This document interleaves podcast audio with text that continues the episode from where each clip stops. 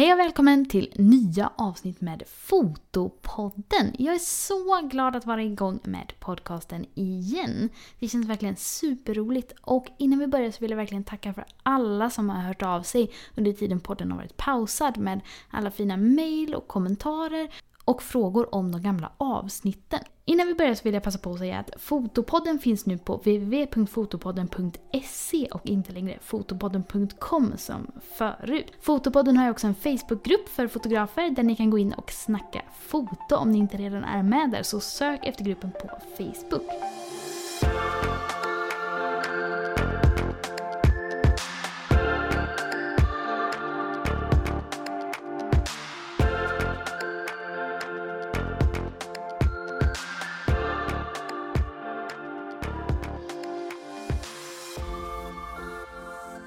Idag så poddar jag med Matilda Wik och vi har ett riktigt härligt och intressant samtal om kundservice och om hur Matilda jobbar som fullservice-fotograf. Här kommer min intervju med Matilda. Hej Matilda! Hej! Hej och välkommen till detta avsnittet! Tack så mycket, vad kul att få vara med tycker jag. Ja, vad roligt att spela in med dig. För de som inte vet vem du är, vill du berätta lite? Ja, det kan jag absolut göra. Jag heter Matilda som sagt och jobbar som fotograf i Norrköping. Mm. Min huvudsakliga inriktning är nyfödd men jag fotar även mycket barnfamiljer och så blir det ju också några gravida här och var eftersom det liksom hör ihop med den där bebisen man vill fota, du vet. Mm. Hur länge har du fotat då? Jag startade mitt företag 2009 så jag har varit verksam ganska många år men jag har inte jobbat heltid med det hela tiden utan jag, från början hade jag det vid sidan av studier och andra jobb och så. Men jag har jobbat heltid som fotograf sedan 2016. Mm, ja men det är ju ett bra tag nu då. Ja, det börjar bli några Det känns som att det var ganska nyligen som jag sa upp mig från min dåvarande tjänst. Men nu har det ändå rullat på några år, alltså tiden går fort. Ja, men det gör ju det. Det går fort när man har roligt. Så är det. Mm. Hur började du fota? Jag, det var liksom lite av en slump egentligen. Jag visste inte riktigt vad jag ville bli när jag blev stor. Du vet den där klassiska mm. Som för oss alla. Ja, men lite så. Eh, nu vet jag vad jag vill bli när jag blir stor, för nu är jag stor och nu är jag det jag vill bli. Nej, men då Alltså, det var lite av en slump som sagt. Jag, jag kontaktade en syo då för jag, jag, kände att jag behövde liksom plugga någonting, åtminstone i brist på annat. För jag visste liksom inte riktigt vad jag ville jobba med. Och mm. eh, slutade med att jag gick några kurser i foto på, på komvux, alltså gymnasiekurserna, foto A och foto B då som mm. fanns. Eh, och tyckte att det var ganska kul. Eh, och, men hade väl liksom inga egentligen tankar på att jag skulle starta företag. Det låg så långt bort. Jag tyckte det var kul att fota. Punkt. Mm. Och jag tror väl kanske att det, alltså lite där är väl någonstans alla börjar på något vis, eller de allra flesta av oss i alla fall, att vi har någon slags intresse för det visuella, antingen foto eller bild eller ja, grafisk design eller någonting sånt. Mm. Um, men sen var det min, min, en av mina storebröder som, som pushade mig till att, att skaffa ett företag. Han hade själv företag så han hjälpte mig att fylla i alla papper och sånt där och vad jag behövde göra. Och vips så hade jag en F-skattsedel eh, och sen var jag igång. Liksom. Så det gick väldigt, väldigt fort. Jag köpte min första systemkamera hösten 2008 och i maj 2009 mm. skaffade jag mitt företag. Så det var väldigt så här, du vet, jag kastade mig huvudstupa in på något vis. Ja men verkligen, det var snabbt jobbat ändå. Ja, det var det. Hur eh, kom du in på den inriktningen du har då? Eh, just nyfödd fotografering var ju ganska långt in i min fotokarriär egentligen. Jag började ju som bröllopsfotograf, som jag tänker också är ganska vanligt. Mm. Att man börjar där för det är någonstans, det är ganska lätt att ta sig in där rent kommersiellt om man tänker. Alltså det är ganska lätt att, att skaffa sig sådana jobb för det är alltid folk som vill ha bröllopsfotografer. Mm. Ehm, men sen 2012 så blev jag själv mamma mm. och det var i samband med det som jag började dras mer mot framförallt barn och familj men också eh, hittade passionen för nyfödd fotografering. Jag har själv inga bilder på min dotter när hon är alldeles så nyfödd. Eh, mm. Så det är, väl, det är det som ligger till grunden för att jag brinner så hårt för det. Mm. Just ja. Det är faktiskt ganska många av mina kunder som, eh, säg, som kommer med kanske andra barnet som pratar mycket om att de önskar att de hade haft det för det första barnet. Så jag tror det är många som kanske missar det och, och tänker på det i efterhand. Ja, absolut. Och det är, så himla, det är så himla tråkigt. Det är så tråkigt att höra när folk ångrar det, för det går ju inte att återskapa liksom den första... Nu är det väldigt specifika typer av bilder, men jag tänker generellt också i, i barns liv och barns utveckling att det är väldigt... Alltså det går ju inte att backa bandet, så är det. Nej, och det går ju väldigt fort också. Superfort. Mm. Om du skulle beskriva din bildstil, hur är den då? Jag skulle säga att den är väldigt neutral, både när det gäller rent liksom redigeringsmässigt. Jag gör inte så mycket avancerat med mina bilder. De ser ut i princip som de gjorde i kameran. Bara det att jag förstärker lite med extra kontrast och extra skärpa och sådana bitar. Och såklart tar bort lite skönhetsfel och, och, och så. Um, men den är väldigt neutral. Um, både som sagt i bildstil men också rent färgmässigt. Framförallt när jag fotar nyfödda. Jag älskar ju de här gråa och beigea och greyiga tonerna. Mm. Tycker att det blir så himla harmoniskt men framförallt tidlöst. Mm. Just ja. Ja, jag såg att du hade skrivit mycket på sociala medier om att du tycker om de färgerna. Ja, och jag märker ju också det att, att i 99 fall av 100 så är det ju så att de kunder som kommer till mig också vill ha samma sak. Mm. När, jag frågar, när jag frågar dem om, om vad de dras till för färger så säger de oftast att ja, men vi, vi gillar de här neutrala färgerna. Det var därför vi kontaktade dig, för vi såg att du hade mycket sånt. Och då klappar mitt hjärta lite extra, för då blev jag så glad. Mm. Ja, det är så fint när man liksom lyckas få till sånt. Men det är väl verkligen så att det man visar får man mer av. Jo, men så är det ju verkligen. Mm. Mm. Um, du har ju också en Instagram och en Youtube som heter Fotoprenörer. Vill du berätta lite om det? Jajamän, ja men det har jag. Den startade jag ju väldigt, väldigt nyligen. Mm. Det var ju i början på, på det här året. Mm. Som också har varit lite upp och ner för övrigt. Men, men, eh, nej, men det startade jag, eh, eller så här om man ska backa bandet lite längre så har jag faktiskt haft en Facebookgrupp som har hetat Fotoprenörer, eh, men som var lite halvdöd kan man säga. Eh, men jag, grunden i det hela vilar egentligen i att jag alltid har tyckt att det har saknats, eh, vad ska jag säga, utbildning slash eh, någon form av information eh, eller så kring just det här med företagande för fotografer. För det är alltid alldeles för många fotografer som är så inriktade på just det här med bilder och bildstil och att det liksom är kärnan i alltihopa. Och det är klart att vi som fotografer, vi är ju också konstnärer så det är klart att det blir mycket fokus kring våra bilder. Mm. Eh, men ska man driva företag som fotograf så krävs det så enormt mycket mer. Då blir helt plötsligt bilden sekundär egentligen. Mm. Ehm, och jag tycker att det har saknats liksom någon, någon plattform för att att liksom diskutera den biten och kunna växa som företagare. Mm. Eh, framförallt i Sverige, det finns ju lite utomlands, men då blir det också det här att vissa saker känns som att okej, okay, det där passar inte riktigt den svenska kulturen eller det där, så där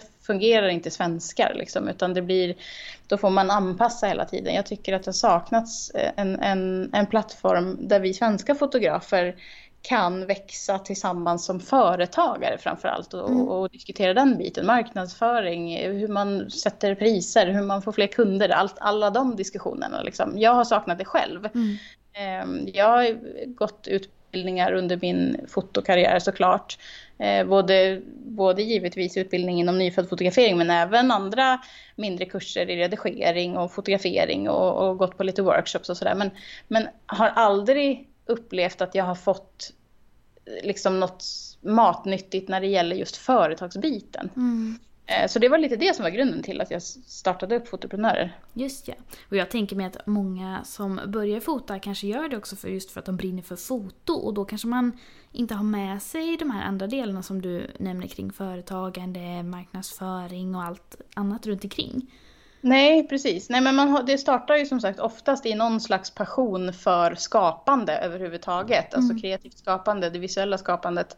Eh, och det är ju fine, men tänker man då att man Alltså för, för eh, många av de här som, som börjar där känner ju också efterhand att de, att de börjar forma någon slags dröm om att tänk om jag skulle kunna jobba med det här.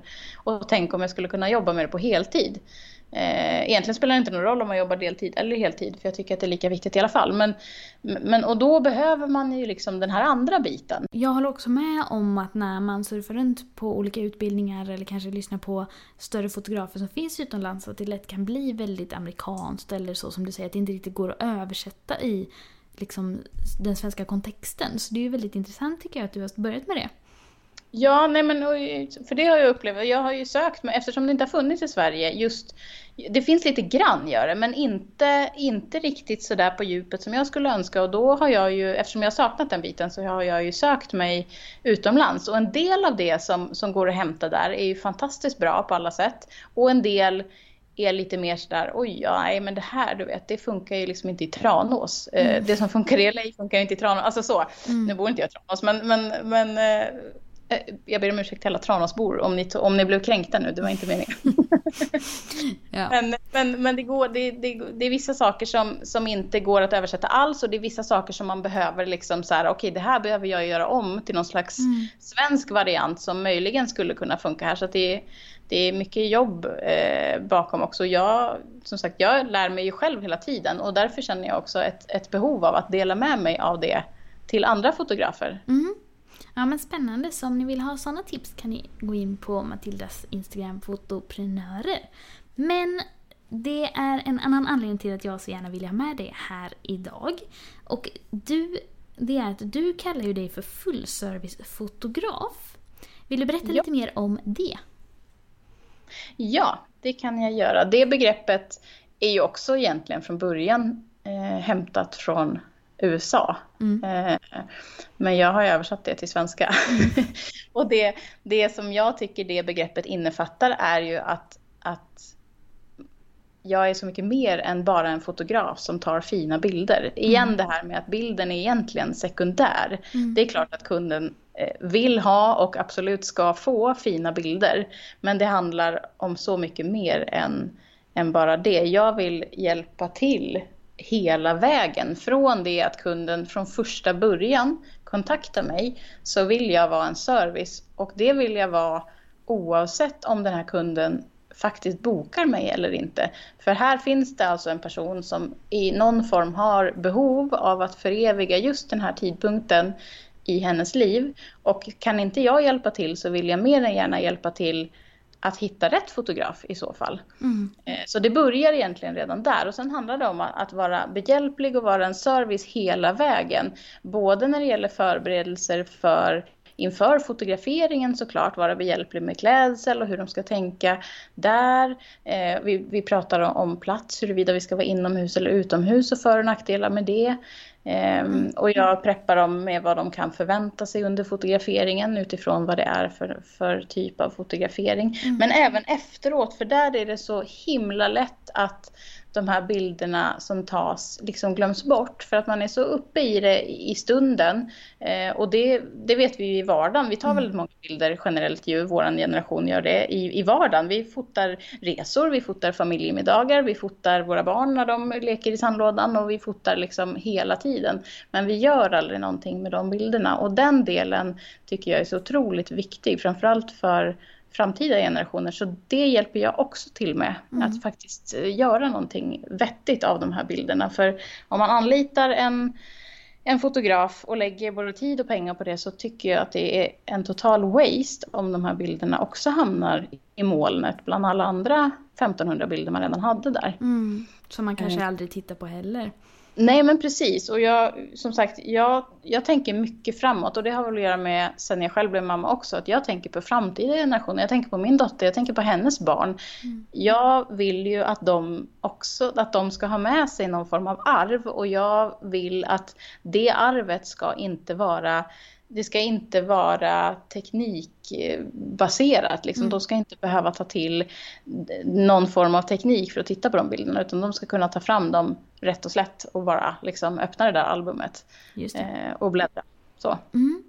Men när du jobbar då som fullservice-fotograf, om man bokar en fotografering med dig, vilka moment har du då med kunden? Ja, för det första brukar jag ju rekommendera att de som kontaktar mig att de kommer in på en kostnadsfri konsultation och det är ju också en, en, en, ett led i den här servicen som jag vill hålla. Att innan de bestämmer sig för huruvida de vill boka Mm. Eh, så rekommenderar jag att de kommer in till studion på ett möte där vi fikar lite grann och jag kan berätta om hur jag jobbar och de kan titta på mina produkter som jag har och klämma och känna. Och är det en, är det en gravidfotografering så kan de ju för all del också titta på de klänningar som jag har och prova dem och se om det är någon som passar i, i storlek och, och stil och färg och sådana bitar. Mm.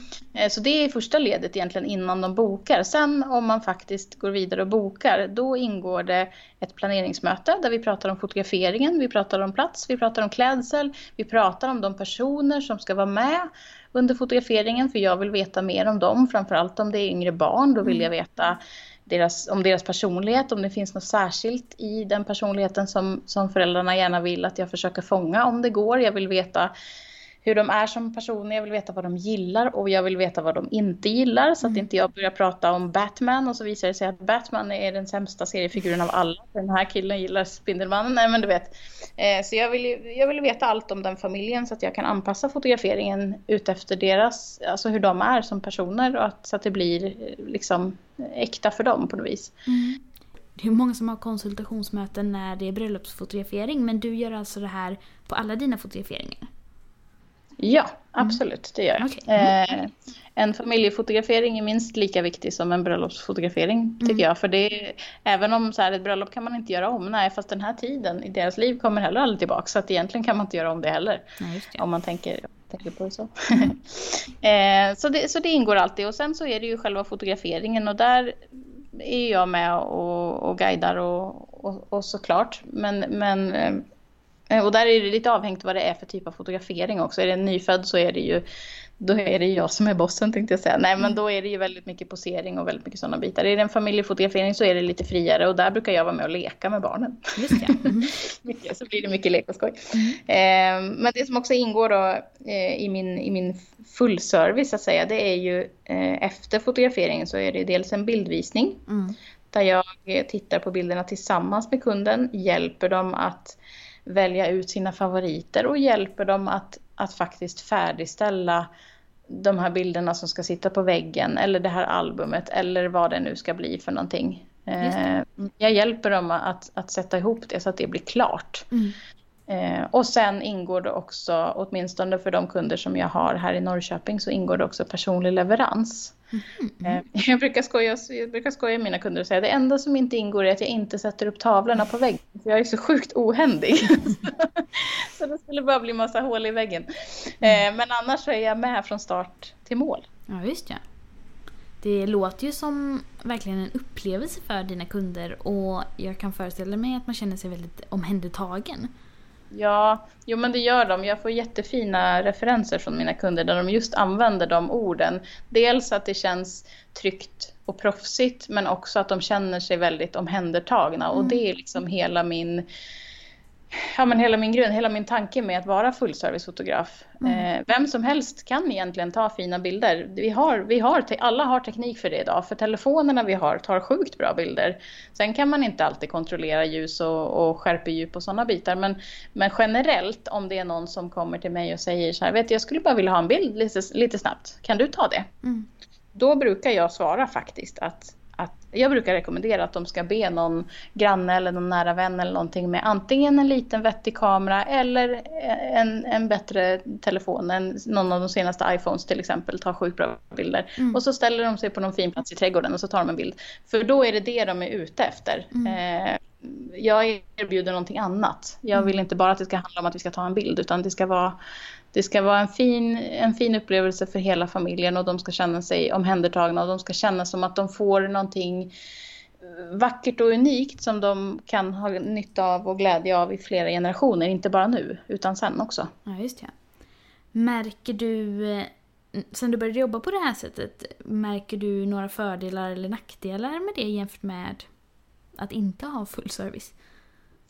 Fördelarna är ju att jag, tänkte säga jag kan somna gott om nätterna. Nej men det är ju, lite så, eh, för från början jobb, jobbade jag inte så, utan då var det ju lite mer den här klassiska, jag dök mm. upp på den platsen och den tiden vi hade sagt, jag fotade, jag skickade bilderna på en länk och så var det bra med det. Eh, och nackdelen med att jobba på det sättet, det är ju att man faktiskt gör sina kunder en björntjänst. Mm. Eh, jag tycker ärligt talat det. Eh, en del, ett fåtal, är duktiga på att framkalla själva. Eh, men däremot så även om de är det så blir det ofta så här. De, de framkallar antingen någon större bild eller ett par stycken mindre som de sätter upp någonstans och så kanske de framkallar några som de ger bort i julklapp. Och sen blev det inte så mycket mer med det och då, då blir det lite så att då skulle man lika, i ett sånt läge skulle man lika gärna kunna ha bett en vän eller en granne mm. att faktiskt fota familjen.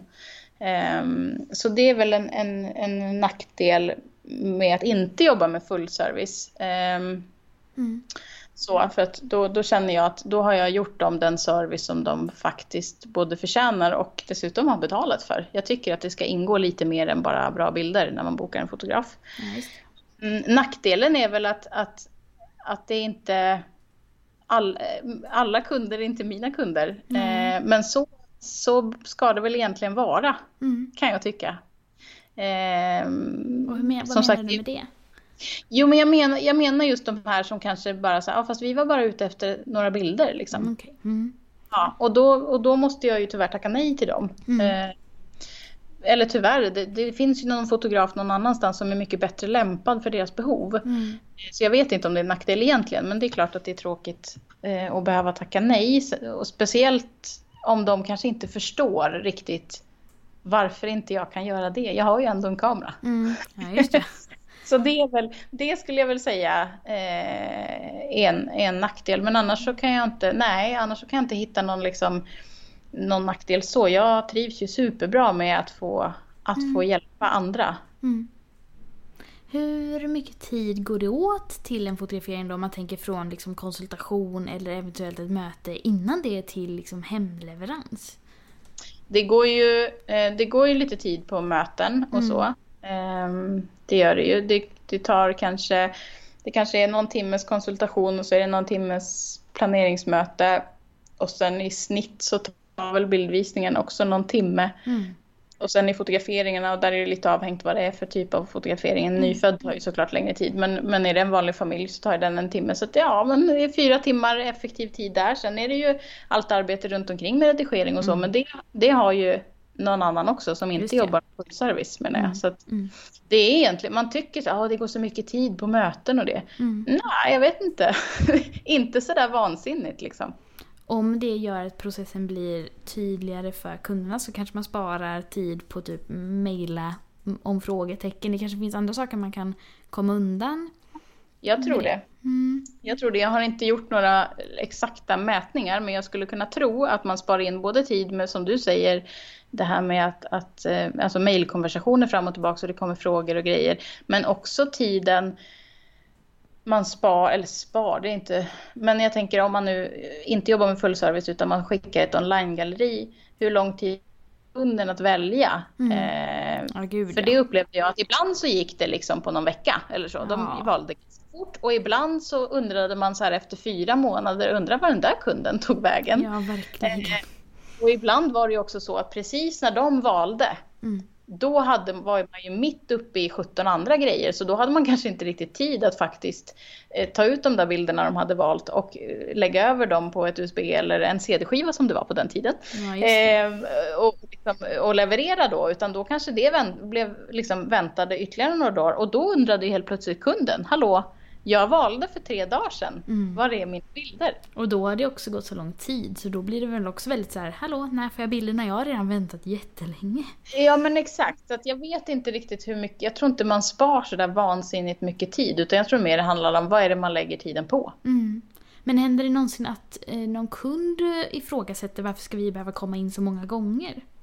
Nej, vet du, det har aldrig hänt. Och jag har tänkt den tanken själv. Mm. Alltså sådär att undra, undra vad jag liksom vad jag skulle svara. Däremot så har jag själv erbjudit mig ett par gånger eh, att faktiskt komma hem till kunden mm. eh, när de har haft bekymmer att antingen hitta en tid eller hitta barnvakt. Just ja.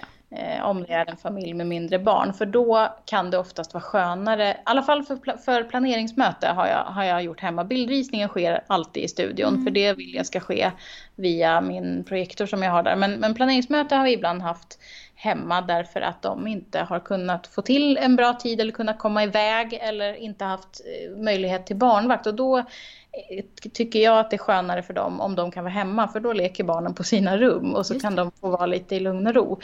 Eh, mm. och det har jag gjort liksom utan, utan att ha något extra för det. Utan det är också så här, jag tänker service i första hand. Liksom. Hur lö- in, inte så här, nej men då kan inte de boka mig. Utan det är så här, då vänder jag på det och bara, hur kan vi lösa det här för dem som de vill ha? Ja, just det.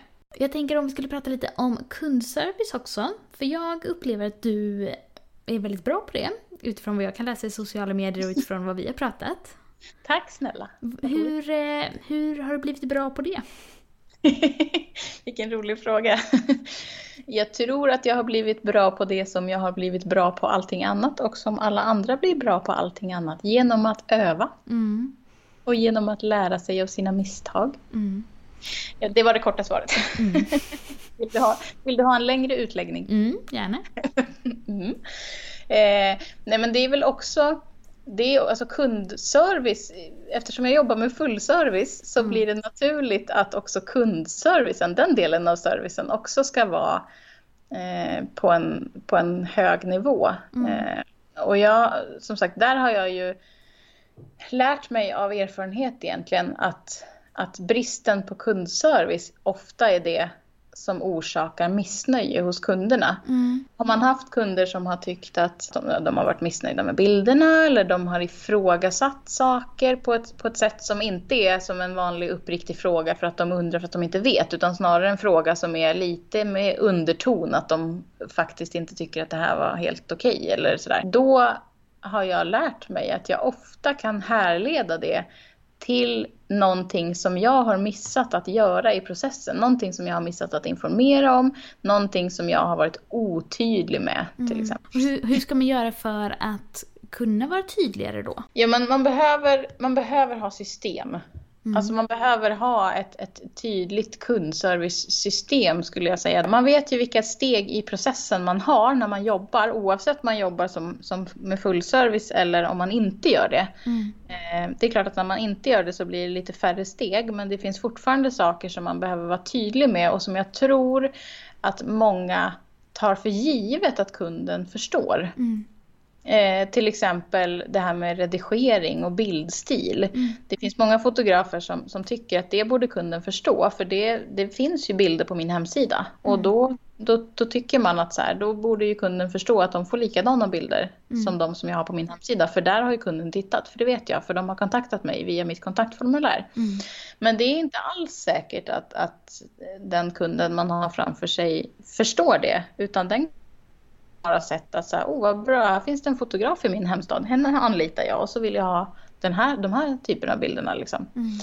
Eh, så det är, en sån, det är ett sånt exempel som, som jag tror många fotografer liksom tar för givet och där blir det också en hel del missnöje har jag hört och sett mm. i fotografforum och bland mina härliga kollegor där ute i landet. Att, att jag, jag, har hört och sett fotografer som har haft missnöjda kunder där det just handlar om bildstilen. Antingen att de, kunderna upplever att deras bilder blev alldeles för mörka eller för ljusa eller för matta i färgerna eller för klara i färgerna eller, eller någonting som har med bilden att göra. Mm. Eh, och det kan man ofta härleda då med att man har inte varit tydlig med bildstilen. Det kan ju, jag, kan också, jag kan förstå att man inte tycker att man borde behöva prata om det, men det behöver man.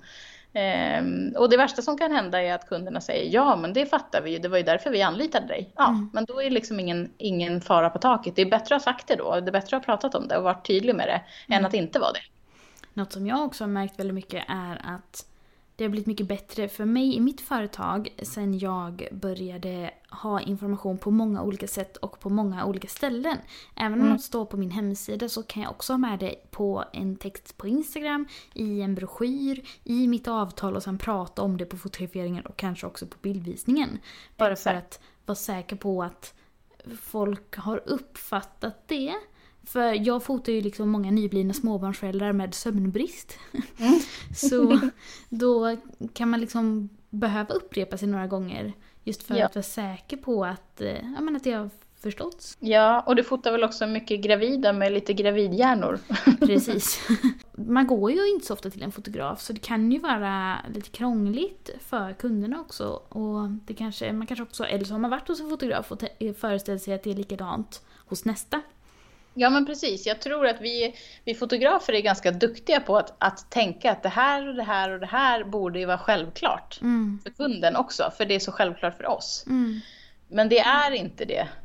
Det är verkligen inte det. Vi lever i en helt annan, eh, en helt annan värld än vad kunden kommer in och dessutom, även om det skulle vara Även om, även om hon skulle förstå så är hon så mitt uppe i allting annat, precis som du säger. Antingen att man har liksom sömnbrist eller gravidhjärna eller, eller så, men det är också att de har så mycket tankar på massa annat i det här skedet. De är oroliga för hur de ska se ut på bilderna. De är oroliga för att de ska ha kläder som kommer att se tokiga ut. Eller de är oroliga för att det ska regna. Eller de har massa annan oro som gör att även om de förstår saker liksom, så, så, så kommer det i skymundan för att all den här oron tar över. Och då är det extra, tyd, då är det extra viktigt att vara tydlig både med det som de troligtvis förstår men kanske glömt för stunden, men också att, att finnas där som stöd och, och lugna den här oron. Mm. Men vad tror du är de vanliga misstagen man gör när det gäller sådan form av kundservice om man är lite nyare? Jag tror att det, är, att det handlar mycket om just det att man tar saker för givet. Att man tar, man tar för givet att kunden ska förstå precis lika mycket som jag förstår. Mm. Ehm, För det är inte så. Utan man behöver vara tydlig med hela processen. Som sagt, precis som jag sa förut, att det, det är bättre att säga det tre gånger och att kunden säger ja men absolut, det sa du ju och vi läste ju det här också i broschyren. Än att inte vara tydlig och sen blir det en överraskning för kunden sen. För då, det är då det blir ett missnöje. Ja. Ja, till exempel, jag, jag, alla får ju göra verkligen som de vill, men jag har läst ibland fotografer som väljer att inte visa hela prislistan förrän på bildvisningen. Sådana saker Oj. hade jag ju aldrig vågat göra. Nej, det kan ju bli lite av en sån liten eh, otrevlig överraskning. Ja.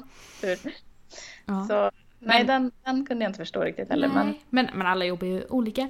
Men eh, Ja. om man då har en kund som är missnöjd då, vad ska man eh, göra? Det beror ju alldeles på vad det är för typ av missnöje såklart. Eh, men en sak man, man bör göra det är ju att, att verkligen lyssna in kunden och bekräfta att hon är hörd. För jag tror också många gånger när vi får en missnöjd kund, det första vi gör det är att vi vänder taggarna utåt Mm. och försvarar. Och det är lite fel strategi för det kommer, det kommer inte att, att rätta till situationen, så är det ju. Eh, utan börja med att och, och lyssna in verkligen och bekräfta vad det är hon har uttryckt för någonting. För, för ibland så är det så också att missnöjda kunder deras missnöje ligger egentligen i någonting annat. Att det kan vara en sak de säger, men det är egentligen någonting annat som stör dem. Mhm. Hur ska man Eh. få reda på det då? Ja, men och det är då man måste, dels, dels måste man ordentligt lyssna på vad hon har att säga och sen ska man helst bekräfta och repetera att okej, jag hör dig säga det här och det här och jag förstår det som att du, du är missnöjd med det här och det här. Eh, är det korrekt? Eller, eller hjälp mig fylla i luckorna, vad är det som jag missar? Mm. Eh, då kan det antingen så är det precis det som hon säger att ja men precis det är lite det jag menar att jag är missnöjd med det här och det här. Eller så säger hon så här, ja eller fast i och för sig det var kanske inte riktigt det egentligen utan det var det här och det här. Eh, så jag tror man måste vara otroligt eh, både ödmjuk eh, och lyhörd och framför allt inte ta det personligt. För, för det tror jag är liksom, då blir det pannkaka för då blir det de här, då blir det försvarstalet. Mm. Men Utan hur gör man det då? För det kan ju vara ganska personligt. Alltså ens bilder, man har lagt ner mycket tid på det. Man vill ju så gärna att någon ska bli glad och gilla det man gör. Och så kommer det kanske ett mail eller ett telefonsamtal och, med, och så är de inte alls glada. Nej. Så hur kopplar Och man det- loss det från sig själv liksom? Ja, och det, det är ju supersvårt att göra det för oss fotografer. Där tror jag att vi har, det är våran akilleshäl tror jag, i och med att vi är ju konstnärer i grunden. Det är ju mm. våra bebisar liksom, de här bilderna. Vi, som du säger, vi lägger ju ner he, alltså, hela vår själ i de här bilderna och så får man ett mail där det står så här, ah, vi tycker inte att det här var riktigt vad mm. vi hade förväntat oss. Eh, men någonstans behöver man ändå liksom slå ifrån sig att det är inte, det är inte personligt liksom det är inte personligt mot mig som fotograf och mig som person, mm. utan den här kunden upplever någonting och någonstans har det blivit en miss i förväntningarna uppenbarligen. Och kan man, då, kan man då tänka så pass logiskt att man tänker så, okej, okay, nu har det blivit något, något, något knas här i kommunikationen, nu har det blivit någon miss i vad den här kunden förväntar sig, förutsatt att jag själv då tycker att jag har levererat enligt vad jag brukar göra. Mm. Eh, ska jag säga. Det är väl också så en, en faktor som spelar in. Men, men tycker jag att jag har det och den här kunden uttrycker någon form av missnöje kring bilderna, eh, så kan man oftast Eh, igen då så behöver man både lyssna in och verkligen bekräfta vad det är man hör att hon säger. Mm. Men, men sen behöver man backa bandet och se var någonstans var jag otydlig med förväntningarna. För i, i 99 procent av fallen så tror jag att man kan hitta någonstans där man, där man tänker sig att ja, jäklar alltså, här, skulle, här borde jag vara tydlig med det här. Mm. Eh, oftast kan man hitta problemet i, i sin egen, hur man har skött processen. Mm. Eh, och då kan man, får man helt enkelt ta ansvar för det. Och sen som sagt så är det ju lite utifrån graden av, av problem och huruvida man kan åtgärda det. Är det ett missnöje av bilderna så behöver man ju reda ut vad det är för typ av missnöje och kanske kan man erbjuda någon kompletterande fotografering eller alltså så att de får det de vill ha. Eller så får man liksom, man får försöka lyssna in utifrån vad det är för typ av problem och, och vad, vad, man kan, vad man själv känner att man kan ge för typ av kompensation och vad kunden egentligen efterfrågar. Mm. Jag tycker det kan vara lurigt också men eller strunt samma, men något som jag tycker har hjälpt mig är också att ju fler fotograferingar man gör och ju mer kunder man jobbar med, dels så blir ju mitt avtal längre och längre och det går jag igenom med varje kund innan varje fotografering och broschyren ja. blir fylligare och fylligare. Men också eh, något som hjälpt mig att göra mig tryggare i liksom min känsla när det gäller kundtjänstärenden är liksom att nu har jag gjort det så många gånger så alla får liksom en viss grej. Alla får viss sorts bilder, alla får samma bildvisning och alla, alltså, så när någon efterfrågar något annat då är det lättare för mig att tänka liksom ja, har jag varit otydlig kring detta? Brukar det ingå? Borde jag sagt något om detta? Eller något sånt där. När jag liksom har ja. ja en standardgrej på något sätt. Jo, men så är det. Erfaren... Men det är klart att man blir tryggare med erfarenheten och tryggare också när man hittar, som både du och jag har gjort, ett väldigt specifikt sätt att jobba. Mm. Och man, är liksom, man kör på i de hjulspåren, för då vet man ju som du säger, då kan man också ganska lätt se att okej, okay, här antingen så här, här levererade inte jag vad jag borde ha gjort, eller, eller också som du säger att här är en kund som efterfrågar något helt annat. Mm. Det verkar ju liksom osannolikt. Eh, oftast, oftast om man är noggrann så upptäcker man ju det redan på förhand. Innan de, innan de hinner boka, innan de hinner genomföra någon fotografering. Mm. Så upptäcker man att den här kunden efterfrågar någonting annat än det jag vanligtvis levererar. Då behöver jag vara extra tydlig med att så här jobbar inte jag eller det här erbjuder inte jag. Mm. Då finns det förmodligen någon fotograf som är bättre lämpad för dina behov. Mm. Men så du säger alltså nej till kunder ibland? Absolut. Mm, jag brukar också göra det. Men om man är lite nyare då och tänker, men herregud, varför... Hur, hur kan man göra det? Vill du utveckla om det? Ja, alltså... Är man, är man nyare som fotograf, det beror lite på var man befinner sig också. Mm. Jag tänker, är man alldeles, alldeles ny, eh, då bör man ju spendera en tid till att bygga sin portfolio. Mm. Eh, och man bör kanske också spendera en viss tid till att testa olika saker och känna efter. Vad är det, som, vad är det jag vill göra för? Vad är det som får mitt, mitt hjärta att klappa lite extra? Mm. Eh, för då, då vet man redan där så att okej, okay, jag älskar att fota bröllop till exempel. Så kommer det någon och frågar om jag vill ta en bild på, på hennes häst. Mm. Ja, då kanske jag tackar nej till det, för det är inte vad jag tycker är roligt att mm. göra. Eh, så då blir det ju lättare den vägen om man har hittat liksom sin nisch. Ja. Eh, kan... Men sen beror det på också om man är ny fotograf som ändå är verksam mm. Eh, och liksom behöver inkomsten. Mm. Ehm, då kan man ju behöva tacka ja till det jobbet för, just för att man behöver inkomsten. Men då får man ju vara väldigt, väldigt tydlig med att det här brukar inte jag göra och jag kan inte garantera ett hundraprocentigt resultat heller. För det här ligger långt utanför eh, min stil och mitt sätt att jobba. Vill du boka ändå? Alltså jag tycker ändå att man ska vara så pass uppriktig. Att man ska ge kunden en chans då i så fall. Om man känner att jag, jag kan inte tacka nej för jag har liksom inte råd egentligen. Men jag behöver ändå verkligen, verkligen upplysa kunden om att det här är inte min grej alltså. Mm. Um, men att ge, och att ge dem i så fall en chans att tacka nej eller att säga så här, men det är helt okej. Kör på liksom. Ja, just det. Eh, så. Men, men jag skulle ändå vara väldigt, väldigt försiktig med det. Då är det, då är det kanske bättre, och så om man är i sån behov av, av ekonomi så att man inte har råd att tacka nej till en kund, då kanske det är bättre att man har något litet extra knäck vid sidan av i så Mm. fall. Ja, men verkligen. Jag kan berätta om ett exempel nyligen då jag tackade nej till en kund för hon kom till min studio och ville ha lite frågor om fotografering. Och ju längre samtalet gick desto mer förstod jag att hon vill absolut inte ha sådana bilder som jag gör. Till exempel så sa hon att hon tyckte inte om någon av mina bakgrunder, undrade om jag hade några andra, hon tyckte inte om skuggorna som finns i mina bilder. Och då fotar jag ju väldigt ljust, nästan utan några skuggor. Jag tänkte säga det, du har ju nästan inga skuggor. Nej men hon ville nog ha sån här high key, alltså Ah. väldigt vi, kritvit Okej. bakgrund. Och det gör ju inte riktigt jag. Och sen så var hon inte riktigt eh, nöjd med hur jag, eh, ja den formen av leverans jag erbjuder med högupplösta filer och man kan köpa produkter och sådär. Så ju mer vi pratade desto mer hörde jag att jag kommer inte kunna göra henne nöjd med de bilderna jag gör. För då kommer jag få fota på något helt annat sätt, kanske köpa andra bakgrunder. Så det slutade med att jag till slut mejlade till henne efteråt att nu har jag funderat en stund och jag tror att du kanske ja, skulle trivas bättre med en annan fotograf. Och så försökte jag också tipsa om några som gjorde såna high key, väldigt vit bakgrund istället Ja. i stan.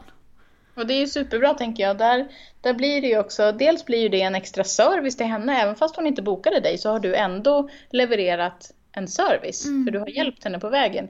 Och det där är också, tänker jag, en del, en del i att vara expert inom sitt område. Att faktiskt eh, vi, för, vi kan förstå att den här kunden är i behov av en annan typ av fotograf. Kunden, kanske inte, kunden tror jag inte förstår det. Kunden ser, det är en fotograf. Mm. Vadå? Det tar väl bilder liksom. Ja, du kan väl ta det. Du, du ska väl ta det som jag önskar. Liksom. Eh, och det, grejen är att vi skulle säkert kunna göra det också, men det blir inte superbra resultat. Det blir ju mycket bättre om hon går till den fotografen som faktiskt jobbar dagligen med high key. Ja, och ha bakgrunden som hon gillar och allt. Och Ja. det, det är ju också att det blir en så här win-win. Om jag skickar en kund till en fotograf där kunden vill ha det som fotografen har, då blir Mm. den fotografen glad och får en kund och jag slipper fota på ett sätt som inte passar mig och Ja. kunden får det bra hos den andra fotografen. Det blir win-win-win. Precis. Vi har pratat en ganska lång stund nu så jag tänker att vi ska börja att avrunda snart. Men vilka är dina bästa tips för den som vill jobba mer med sin kundservice? Ett tips tänker jag som jag skulle vilja ge då är att vara mer lyhörd inför kundens faktiska behov. För jag tror också att vi som fotografer är väldigt duktiga på att eh, liksom ha de rätta svaren redan på förhand utan att egentligen veta riktigt vad kunden vill ha eller behöver. Lite som det här vi pratade om, om den här kunden som du tackade nej till. Mm. Att det är nog många som knappt ens frågar innan, utan de får ett mejl där det är någon som säger jag skulle vilja ha en fotograf. Mm. Ja, vad bra, jag är en. Du kan boka mig. Liksom. eh, att, så, att, så att ett tips är att, att vara betydligt mer lyhörd och faktiskt undersöka den här kundens behov och önskemål innan de bokar och sen fundera över, är det här, stämmer det här överens med den service som jag har? Är det här någonting som jag kan leverera? Men, men, men också, tänker jag, inte bara liksom när det handlar om så här, ja, jag vill ha ljus eller mörka bakgrunder eller, eller matta eller färgglada bilder, utan jag tänker också så här, kundens faktiska behov. För du och jag som jobbar med, mycket med produkter, färdiga produkter, Mm för, för oss är det ju så, vi, har, vi tycker att det rätta svaret alltid är att man ska svara att man vill ha ett album eller en tavla eller Mm. någonting, någonting liksom hållbart så. Ehm, eller, eller vi tycker att det alltid ska vara självklart att man vill ha en nyfödd fotografering till Mm. exempel. För att det är det vi jobbar med. Men, men att vara faktiskt, att, att lyssna in kunden. Eh, istället för att jag presenterar rätt svar, istället för att jag säger att de här bilderna kommer aldrig komma tillbaka. Så det är så otroligt viktigt att ni gör det här nu. För det går inte att ångra sen. Eh, så behöver jag istället lyssna in kundens behov och önskemål. Och det bästa är om hon själv kan uttrycka att de här bilderna känns så viktiga att ta. Därför att när han eller hon blir stor sen så vill jag, då jag vill att mitt barn ska ha det här minnet från första tiden. Om kunden själv kan säga det, då har man liksom vunnit. Mm. Om jag säger det så blir det ju liksom, ja då blir det, experten har, har planterat rätt svar fast det kanske inte var, jag var inte där riktigt än. Jag eh, håller bara på att googla fotografer liksom. Ja, okej. Så man behöver verkligen vara lyhörd. Eh, Det, är, det är egentligen mitt bästa tips. Mm. Eh, Att faktiskt eh, lyssna mycket mer och ställa mycket mer frågor än vad jag tror att vi gör många gånger. Ja, men det låter bra. Om man vill hitta dig och dina bilder på internet, vart går man då? Min, min hemsida hittar man ju på mwfotografi.se. Annars så finns jag ju på Instagram som mwfotografi. Och Jag finns ju också då, som vi pratade om i början där, under fotoprenörer. Både på Instagram och på Youtube. Så där finns det massa matnyttiga tips om man vill höja nivån på sitt företag som fotograf. Ja, just det. Mig hittar ni på fotograf Maria Ekblad på Facebook, Instagram och gå in och prenumerera på min YouTube-kanal också. Fotopodden har ju en egen Facebookgrupp för fotografer och fotointresserade och om ni inte redan är med så gå med där så pratar vi vidare om avsnittet och annat härligt snack om foto där. Ha det fint alla lyssnare och tack så mycket Matilda för att du var med. Tack, tack! Hej då allihopa!